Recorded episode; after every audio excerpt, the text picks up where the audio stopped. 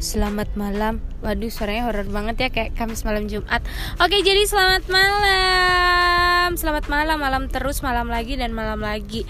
Oke, jadi uh, kali ini untuk lanjutin yang tadi hari ini sama Caca itu uh, mau ngebahas lanjut nih uh, tentang manajemen siaran radio. Ya, ya nggak sih? Iya. Ya, jadi uh, untuk mendirikan sebuah radio kita juga harus tahu nih gimana aturan-aturannya, uh. visi misinya, penyiarnya harus seperti apa, biar uh, yang kita pengen tuh jadi goals gitu, goalsnya dapet.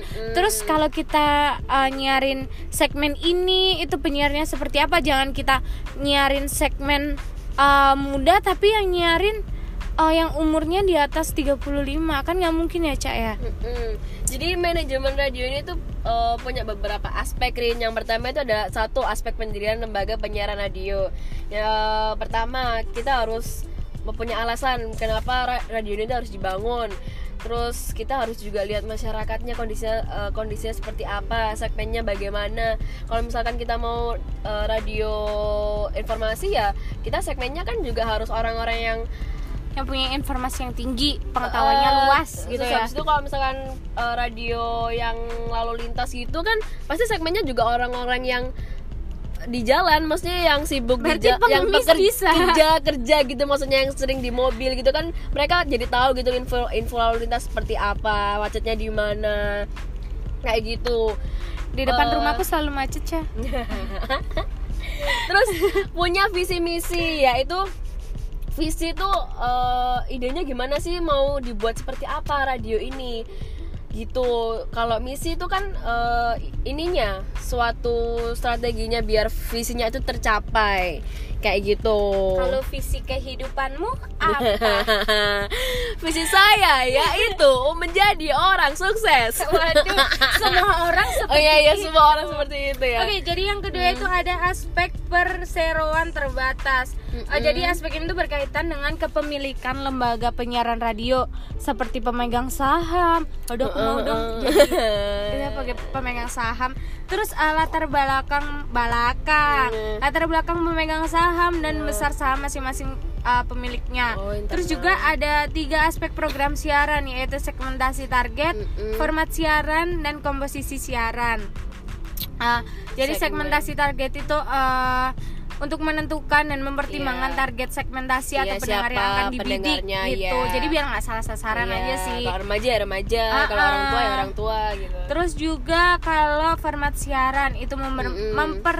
Mempertimbangkan format siarannya akan seperti apa, analisis perilaku segmennya bagaimana, sumber materi siaran dan waktu siaran setiap harinya itu seperti Iya, apa iya. gitu. Terus juga eh format siaran itu dibagi menjadi tiga yaitu eh, berbasis pada musik, Iya. siaran kata dan daya tarik gitu ca. Terus eh komposisi siaran itu juga eh, yang dimaksud bagaimana menyusun materi hiburan, informasi, pendidikan dan iklan agar siaran terdengar selaras sesuai segmentasi dan formatnya. oh tersebut. jadi iklannya juga harus sesuai segmen ternyata Iyalah.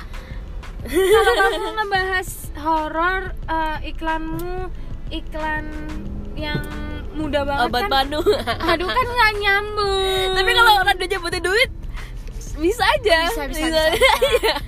Terus komposisi siaran tuh ada hiburan, informasi, pendidikan, iklan pastinya. Iklan. untuk menghidupi sebuah radio iklan dibutuhkan. Terus yang keempat itu ada aspek teknik Oh, yaitu eh, untuk mempertimbangkan dan merencanakan studio produksi dan siaran pemancar. Terus juga eh, sistem hubungan dari studio ke pemancar, eh, wilayah jangkauan dan sebagainya. Gitu.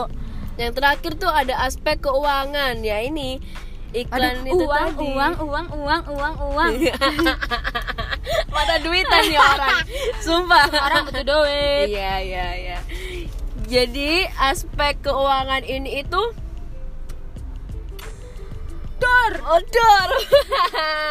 Jadi itu ada ininya ya, ada iklan pastinya kan ya penjualan penjualan RTM-nya spot harga kotor dan harga bensinnya gimana kinerja arus keuangannya kayak eh, proyeksi cash flow dengan pemperhitungan saldo awal kas ya kayak gitu gitulah ya. Terus ada ini terakhir aspek manajemen sumber daya manusia. Ya itu radio pasti punya strukturnya kan ya struktur organisasi dari dari apa? Kak, yang paling tinggi tuh kalau di eh kayak manajer paling tinggi kan general manager. Terus kalau di radio radio Nggak tahu. komersil itu apa ya? Kepala radio. Bukan. Apa PD aku juga belum tahu. Ngerti aduh mata aku gatel banget.